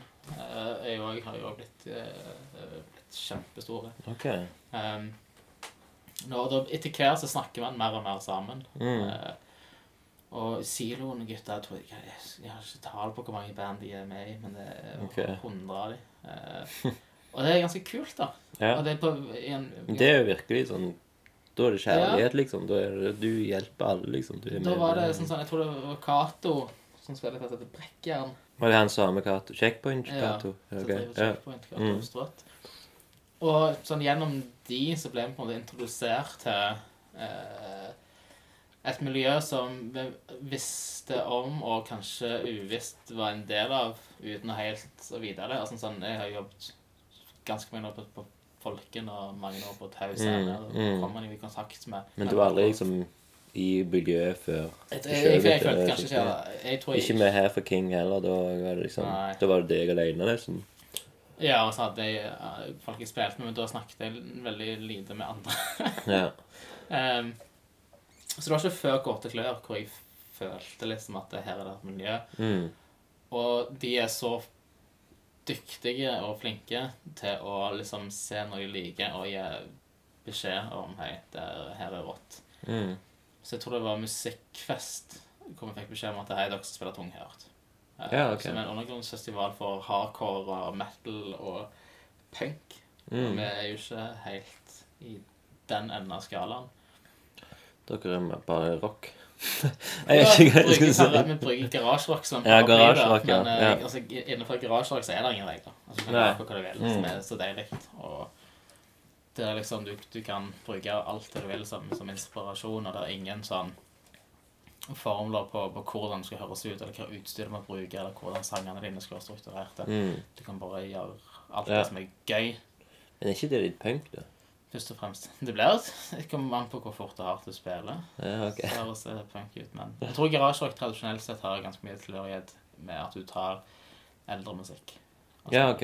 50-60-talls Mm, musikk. mm. Um, gjør det så enkelt som overhodet mulig. Mm. Du spiller med det utstyret du har. Du trenger ikke å jobbe dobbeltskift for å få råd til akkurat den gitaren. Ja, Du tar en låne en gitar om du så må. Ja. Så har du den ampen du har, du har den pedalen du har, Mm. og så skal du spille. Og når vi fikk lov til å spille, eller du spurte om å spille på tunghørt, og vi Mm. spille, jeg tror vi spilte sånn i ti-tida eller et eller annet, som, som er eh, veldig sånn fin timeslot. ja. Og spille på foran 300-400 mennesker, så var det sånn Kjente Hvor var liksom det de Storsalen på Folken. Okay, ja. Da husker jeg, da gikk det på en måte litt sånn opp for meg hvor bra miljøet i Stavanger er, og hvor Mm. lite de, skal, de guttene der skal ha, spesielt siloen, tenker jeg på nå, Mm. hvor lite de skal ha igjen. For Ja, okay. altså, sånn, det er, de har den festivalen de har, og de har den bookinggruppa de har, Mm. og det er, det er det nærmeste jeg har kommet til å føle meg som en del av et miljø Ja. og så har man disse her relasjonene til andre band utenom, da. Altså Mm. Brakfeber er kanonkule gutter. Um, og Vice Rain igjen. Kanonkjekke folk. Uh, som, som går på konsertene dine, og man finner hverandre og, og, og etterpå sier 'hei, faen, kult at du kom'. Mm. Og for meg da så er det et tegn på det er miljøskap. Og, det, Mm. er- Mm. og her er det Om det er Man er liksom ikke oppe i livet til hverandre, men man, man er på samme lag. Mm. Og Stavanger er, så, er en såpass liten by i, i, på nasjonal skala Ja. kulturmessig, iallfall innenfor uh, musikk, Mm. uh, som gjør at man har liksom ikke muligheten til, til å gjøre noe annet enn å være på lag. Og jeg tror at uh, Jeg har Altså, det, det er jo gått mye rykter om Eller rykter, eller det er liksom sagt mye om at Stavanger For eksempel en Det var kriminell kunst og så hadde liksom en, en, et album som heter 'Haternes hovedstad'. At alle hater At det var mye hat. Den føler jeg har forsvunnet. mm, For eh, altså Jeg ser bare positivitet liksom, i kultur-Stavanger. Liksom. Det er begynnelsen, slutten av 20-åra, begynnelsen av 30-åra. Liksom, det er, jeg har bare sett positivitet, liksom. mm. Jeg vet ikke om det er spesifikt i forhold til, til hiphop. Det tror jeg ikke. Eh, Mm -mm. Men jeg tror kanskje før så var det Jeg vet ikke om det var et, et tomrom over en periode på artister fra Stavanger som gjorde det stort. Mm. Som kom, som kom i anførselstegn seg ut av byen. da. Ja. Eh, og for min del så er det sånn sånn, det er så, det, det er så mange som, som har gjort det til gjort det til sitt levebrød å jobbe med eh, musikk og kultur her i Stavanger. Og det er veldig mange av de driver ut ifra ren og skjær lidenskap. Mm. Og til syvende og sist så kjemper man jo selvfølgelig om de samme eh, konsertene, yeah. det samme konsertpublikummet. Men jeg Mm. tror for de siste årene så er det har jeg på en måte og jeg har fått sett litt når det er i siste halvannet årene fra innsiden av hvor, hvor lett det er å kanskje bruke sin egen sånn Hva skal man si eh, Tvil eller mangel på selvtillit Mm. mot andre. Mm. tenker du sier at jeg er bra bare fordi at du skal være en skal vise andre at du er en hyggelig person, eller du mener det egentlig ikke, eller du, du heier på at jeg gjør feil, eller et eller annet sånt. Eh, Men når man kommer liksom sånn videre og, og, og, og snakker med altså, menneske til menneske, så skjønner man egentlig at alle har den samme lidenskapen, alle vil det samme. Og mm. jeg tror musikk fra vår region er jo, har jo aldri vært større. Du Mm. har Kvelertak som turnerer verden rundt med Metallica nå. Mm. Har, Med Metallica? ok. Med Metallica. Shit. eh, og har gjort det i snart et år.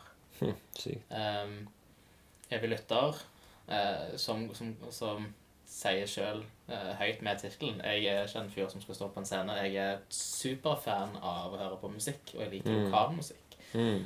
Flytta til byen og jeg har hoppet rett inn i miljøet Mm. her og er med på å feire det å gå på konserter. og er Med Mm. på han. Det er jo et team, da, så vet jeg forstår, men eh, som Patrick Fardal, som er liksom sånn primus motor der, Ja. eh, er jo kanongode på det å sette det på dagsordenen. Han Mm. skriver anmeldelser, han har forhåndslyttinger på, på nye singler, han kjører intervjurunder, akkurat som for eksempel du gjør nå. Mm. Eh, og setter det på kartet, som gjør at man kanskje på utsiden også føler liksom sånn at hei, nå skjer det noe her. Og jeg tror Mm. Jeg kan ikke huske, i alle fall så lenge jeg har vært i denne byen og drevet på med det jeg har drevet på med, at det har vært såpass mange band mm. som får det til. Med kvalitet, ja. Mm. Og jeg tror Slutface, nå som vinner eh, Mm. Spellemannsprisen, bekrefter på en måte det. De er herfra? De er fra Stavanger. Ja, jeg visste ikke. Ja. Så er de jo basert i andre byer, men de er, de er herifra. Men de skifta navn nylig til De måtte skifte, skifte U-en om til en Ø. Ja, stemmer. Men sånn en liten Snart må vel kåte bli kote. Jeg tror ikke, jeg tror, jeg tror ikke vi havner helt der. Men de gjør for en liten del som det, da, som gjør at okay, nå kan de turnere verden rundt. Altså, de har. Slutface har i det siste, den siste tida hatt et turneringsskjema som er helt sinnssvakt. Mm. Altså to USA-turneer, kanskje tre. okay. I, I Australia, hele Europa, hele Norge flere ganger på samme år. Altså det er, det er, det er så høyt Mm. nivå og så mye arbeid som ligger bak. Mm. Og da tror jeg at når først f.eks. Kvelertak får det til, Mm. og så får Slutface det til med en helt annen type musikk Ja. uh, og så er vi Altså det miljøet som vi er heldige for lov til å være en del av, så er det sånn at det, så lenge det kommer fra en, en, en fin plass, uh, lidenskapsmessig, Mm. så, så er det på mange måter nok. Og du ser at andre får det til, som gjør at uh, kidsa begynner å spille. Ja. Uh, som gjør at de som er 16, ikke tenker åh, jeg har lyst til å gå på BI. Og gjøre Mm. sånn som mor og far gjør så mye i, olja. At det er noen som, som ofrer det å ha lappen Ja. i midten 30-årene, sånn at de kan få råd til studiotid. ja.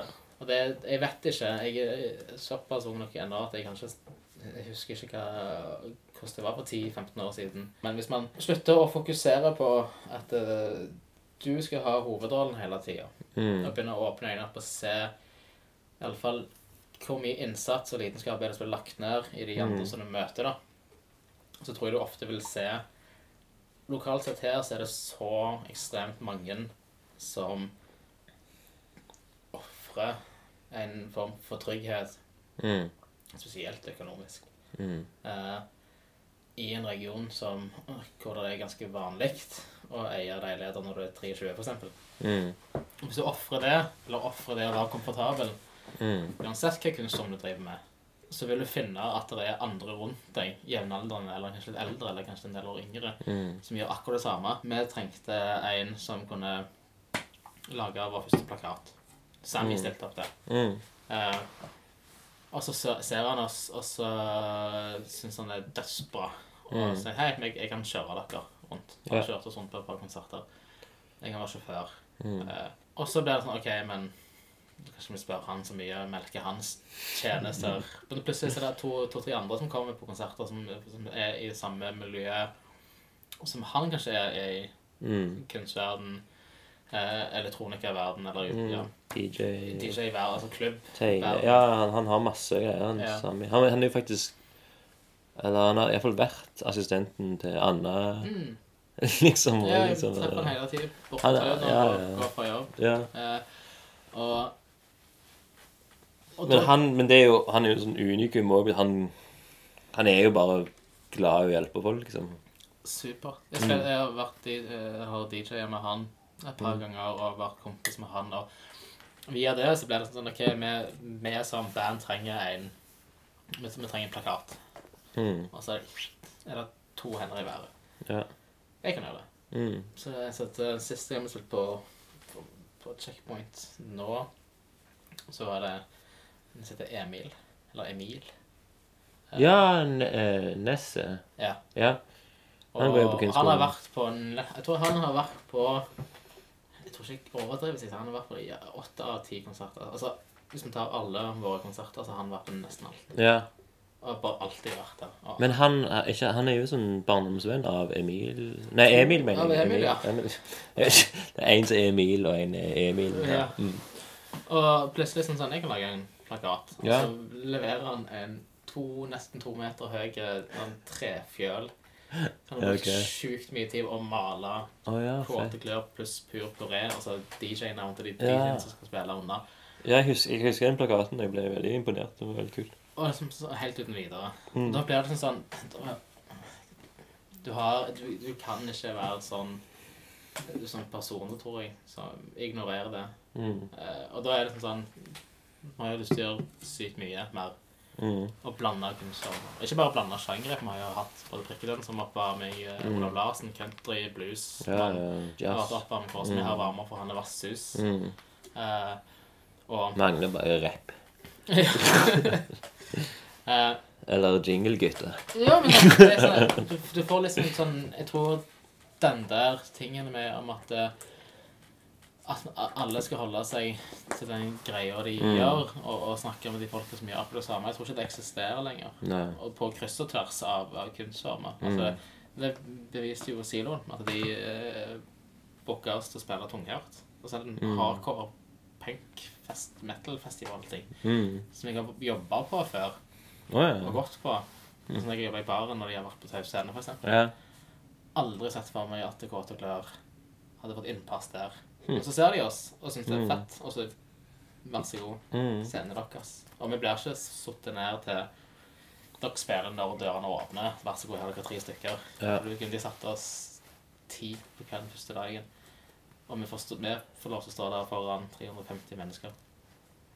Og et, i etterkant Og du, du ser de står i publikum sjøl òg. Og Ja, ja, er koser der og er med. Og Mm. da får du liksom den der OK. Ja. Jeg tror ikke det Akkurat den der eksisterer ikke lenger, tror jeg, så vidt jeg ser. Nei. Der at uh, punkerne skal være med punkerne, og så kan Mm. garasjerockerne være med seg sjøl, og så Mm. kan rapperne være rappere. Sånn, du, du får liksom bare lyst til å gjøre ting med alle, da. Og det Mm. er det som gjør at det blir så ekstremt gøy å ikke sitte hjemme, skrive låter og planlegge to konserter i Mm. året. Du får lyst til å spille alt hele tida. Og du får lyst til å gjøre noe nytt hele tida. Mm. Um, så ja. Og da, med det, så da tror jeg jo at eh, alle miljøene har sykt godt av det. Og så var jeg Mm. en såpass liten by at det, hvis alle tar sin friheter, så er det ingenting som skjer Mm. i byen. Sant. Og da tror jeg det blir ja, ikke så jækla gøy å, å, å være der. Eh, og da tenker jeg liksom sånn, da, da heier man på da heier man. Plutselig så er det, er det, en sånn, er det en mulighet der til å, å drive på, og du har folk Mm. rundt deg som konstant nesten driver på med bekreftelse på at det er gøy. Ja. Og, og når man um, tar det steget og, og bruker pengene på, på å gjøre, lage, lage låter og spille dem inn i et studio og gi dem ut Mm. at man liksom sånn får lov til å gjøre det på den måten man vil. Så er det jo selvfølgelig noe ydmykt og skremmende med det, å, å legge seg sjøl ut der. Og da har jeg ofte, yeah. når jeg var yngre, alltid tenkt liksom Jeg vet ikke helt om jeg tåler jeg det. Å Mm. legge noe ut der. Mm. Lage en Se den videoen som er lagd nå, da, som yeah. ikke har noen mening med seg. Eh, Mm.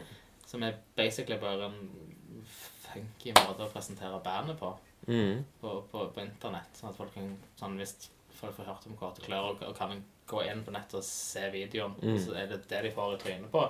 Så dannes det jo meninger i, hos folk.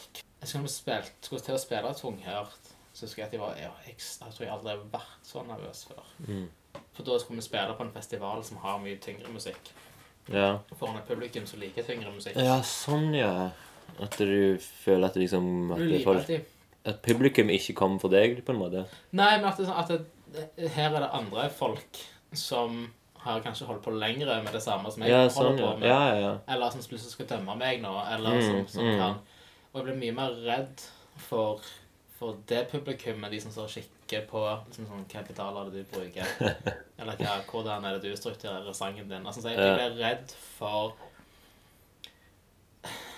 Ikke akkurat personen jeg vil lytte, men jeg blir, jeg blir redd for konseptet. Altså Ja. de som ikke står på en scene, eller som ikke har det behovet, men de som er gode på, på å høre, og de som har musikksmak og elsker musikk, Sånn, ja. som er innenfor mye av det samme som jeg holder på med. Altså, mm. det, som jeg liker, jeg ble, jeg, jeg ble redd, livredd for hipstere. Jeg ble livredd for Jeg ble, skulle, skulle spille i Oslo, og så hadde spilte vi på Chateau Neuf. Så oh, ja, ja. et helt annet band som heter Pansergeil, som jeg ikke hadde hørt noe særlig på, men vi skulle spille med dem, eller være, support for dem Mm. på de spillene som møtte det opp når vi spilte, så tror jeg det sto 20, kanskje 30 stykker i publikum. Og vi var jo kjempestokk, hadde jo kjørt langt, åtte Mm. timer i, i en gammel bil sammen med Sami. For å liksom sånn, nå skal vi til hovedstaden, vi får lov til å reise her nå. Eh, og være i Oslo og spille i Oslo som et band utenbys. Det, var- det, sånn, sånn, det betydde så sykt mye da, for Mm. kiden i meg, som Ja, ja, hadde drømt om dette Mm, kjempelenge. Og, mm. og den lidenskapen som, som, som fulgte. Og, og så skjer det et sånn type øyeblikk at sånn, man er, jeg er vant til å spille her i Stavanger, hvor det er liksom sånn folk danser. Eh, ja.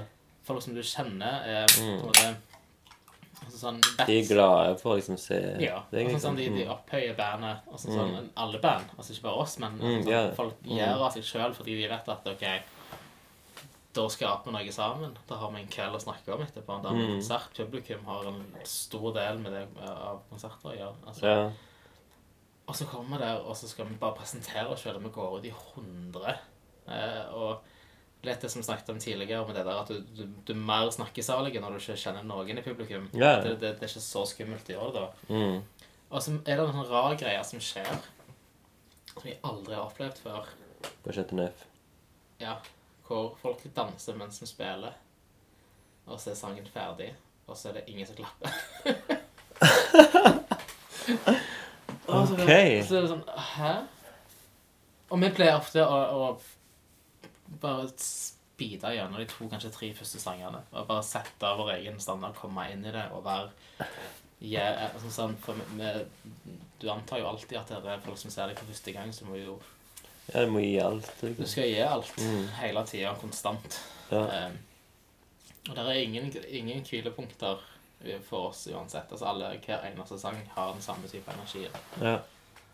Og neste sangen Og da tenker jeg liksom sånn, ok, nå er det fordi at det ikke er helt stilt. Fordi det sånn, sånn, det er enda litt sånn bråk fra bassen eller fra gitaren eller fra, fra noen symboler. At det ikke, at det ikke klapper. Og så bare fortsetter vi å spille. Og så skjer det sånn sånn stopper vi sånn, sånn etter tredje snakk, så stopper vi. Så det er ingen lyd på scenen.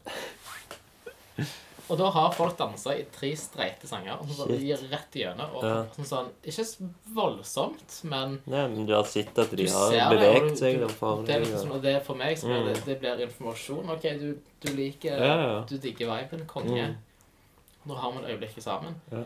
Så jeg går jo ut liksom i 100 mikrofoner og bare Oslo! Dødt. Så det er sånn What? Og det er liksom sånn ingen sånn Går det bra? Og så får du av og til en eller to som sier Hui, eller en liten sånn. Mm. Det er helt dødt. Shit. Og det blir sånn sånn, da merker jeg sånn i etterkant liksom bare sånn sånn Jeg er livredd for det. For da vet du ikke. Ja. Hva er dette her for noe? Sånn, hva er det man, hva man gjør? Og det merker jeg liksom sånn, med, det det som er så fett nå med Stavanger, at eh, folk er så på med å vise deg hvem de er, og hva de liker. Mm. Det er i alle fall Cecilion-guttene er helt briljante på det. Mm. Sånn, dere er fete, kom dere inn i dette miljøet her. Mm. Awesome. High fives all around. Jeg ville Emil har jo vært på turné før, Mm. men meg og Jon har ikke det. Nei. Og det var jeg skulle si, sånn første inntrykk. Sånn, sånn, av og til så kan du faktisk kjøre bil i 16 timer tur-retur for det som føles rett etterpå som nada. Mm. Hvis jeg skal sammenligne, så er det liksom sitte på Tausenes marked og ikke få solgt en dritt. Du gjorde det nå på eh, i går, var det? Søndag? Ja, men altså, eh, altså det, det gikk veldig bra. Altså, Ja. Jeg solgte ti bøker. Og, men det var jo av folk som visste hvem jeg var, kjente meg, var med i boka. Altså, den infiltratøren som boka som jeg ga ut nå Jeg trykte på 150 kopier fordi jeg visste at det var 150 personer som kom til å kjøpe den. Ja, sant. ja men sånn for oss òg. Vi har jo kjempelyst til å printe opp eh, vinyl. Mm. Eh, om det er syvtommer eller titommer. Det koster et helvete så mye penger. sykt mye penger. Mm. Eh, og så er det liksom sånn den der, du kan jo alltid klare å skrape sammen. Altså sånn Jeg har fire jobber. Emil har to-tre. Har du fire? Kan du fortelle om de? Uh, TV Scene, Check. Bøker og Børst, Check. Sola kulturhus. Uh, Ok, og det er jo nytt. en teaterlærer. Er det det, Jeg ja? har gått ett år med drama. vet du. Ja, ja, da blir du lærer på Sola kulturhus. Og nummer fire Uh, av og til ringevakt på, på Martinique. Ja, OK. Og så er det bandet ble jo, er jo en jobb. Altså sånn du har, Ja, ja, selvfølgelig. fridager. Så, Du tjener jo på sånn det. Har du eh, notatbøker alltid med deg? Eh, jeg har som regel det. Vanligvis Mm. skriver jeg bilder på Eller skriver ned notater på telefonen OK, ja. hvis jeg har det. Men hvis jeg står i en bar, da, så da Ja. er det oftest der det, der det skjer hvis du treffer på karakterer, spesielt på, på Martinique, så gjør du det. Og Mm. litt på bøker òg. Og du får liksom sånn det, det, det er noe som sier noe. Mm. Og da er det sånn, sånn om å gjøre opp sånn, Det som de sier, som du kjenner setter i gang noe, skriv ned Mm. eh, sånne kodeord til deg sjøl så fort som mulig. Og så er det eh, om å gjøre mandag, da. Og på- da har du liksom sånn den der eh, Shit, nå har jeg lagt meg Nå nå- jeg alt og du, du føler liksom at du aldri har Altså du går aldri tom for ting å gjøre. Mm. For du har liksom sånn Hvis du, hvis sier at det, er eksempel sånn i går så stengte jeg bøker hjemme, hjemme tre. OK. Og så er jeg oppe i dag klokka ni Mm. fordi noen sa noe mens jeg var på jobb i går. Jeg overhørte en Ah, samtale ja. av et eller annet, en eller annen fyr som kom inn, Ja. som bare hadde et eller annet med seg, som gjorde at liksom bare sånn ah, shit. Altså, du, du tenker på karakteren, da. Mm. Det er noe som Jeg er ekstremt fan av Tom Waits. Mm. Eh, når han var ung og bodde i LA, så hadde han et sånn, nesten sånn religiøst sånn eh, regime, da, på å gå ut og, og være mest mulig på barer, eh, diners eller et eller Ah, annet ok. hvor det ikke var så veldig mange folk, men de som var der, var uh, så sterke karakterer at Mm. han måtte inn. Og da pleide han sånn, intervjuer og sånne ting, og da pleide han å stå opp sånn fire på ettermiddagen.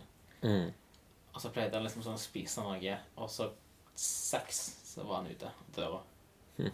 Var på utkikk Ja. etter en eller annen plass eller en eller annen eh, diner eller bar hvor det ikke var så veldig mange. Mm. Og da, var det, å handle, handla det for mye om han og Men snakket han med de?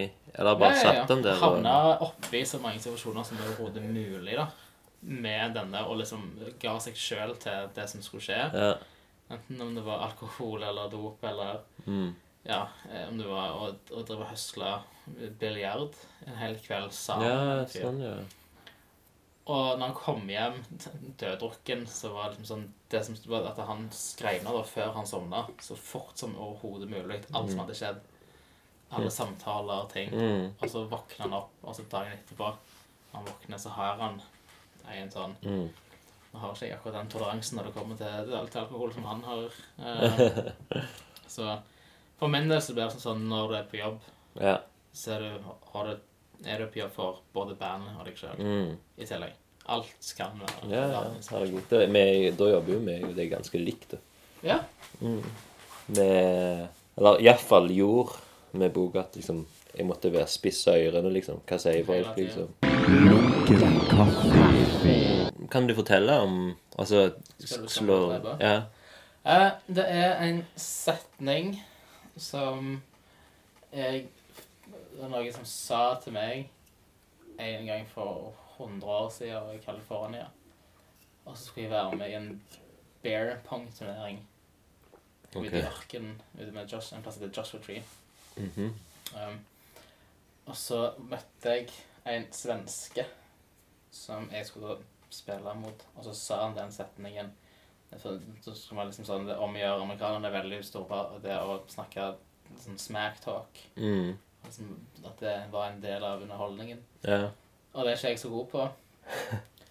Så jeg hadde sagt et eller annet som Jeg, skal, jeg tror jeg sa det på norsk òg. Jeg sa jeg skal knuse deg, din jævla svenske, eller et eller annet. Ja. dust sånn som dette her. Og da tror jeg han ble han var ganske stor fyr òg. Han ble, sånn veldig alvorlig. Og så sikta han meg dødt inn i øynene, og på kav svensk, som jeg ikke klarer igjen fortelle, så sa han bare sånn Ja, men skal du slå, så må du drepe. Mm. Altså, det her er jo syv Snart åtte år siden. Mm. Uh, jeg husker jeg skrev det ned Ja. en plass og glemte det. Og så tok jeg det fram igjen. Sånn, sånn når du sånn, uh, rydder i leiligheten din, og så dukker det Du sikkert, opplever sikkert alltid at du plutselig så finner du et eller annet Ja, ja. tatt fra en eller annen greie. Og så Mm. faen, hva, hva det var for noe? Altså, Mm. Et eller annet. Og det satte litt sånn en sånn tankeprosess i gang. Skal du slå med det drepe? Og så var det på Ja, vel, øving hvor vi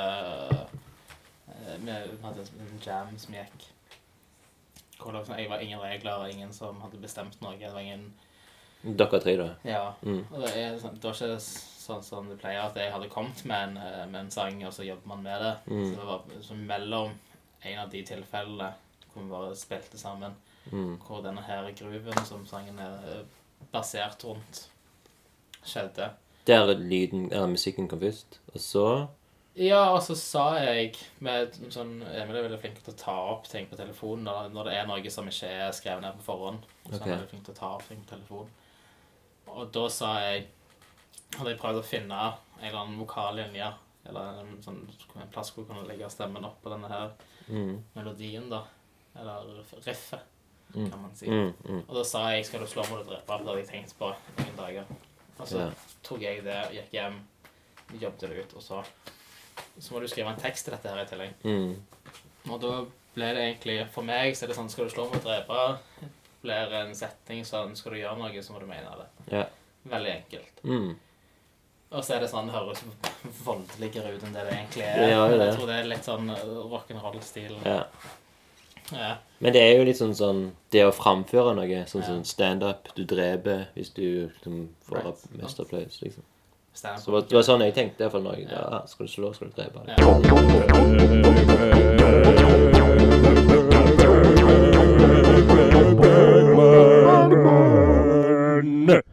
Nå har vi kommet inn i segmentet Bergman-nytt.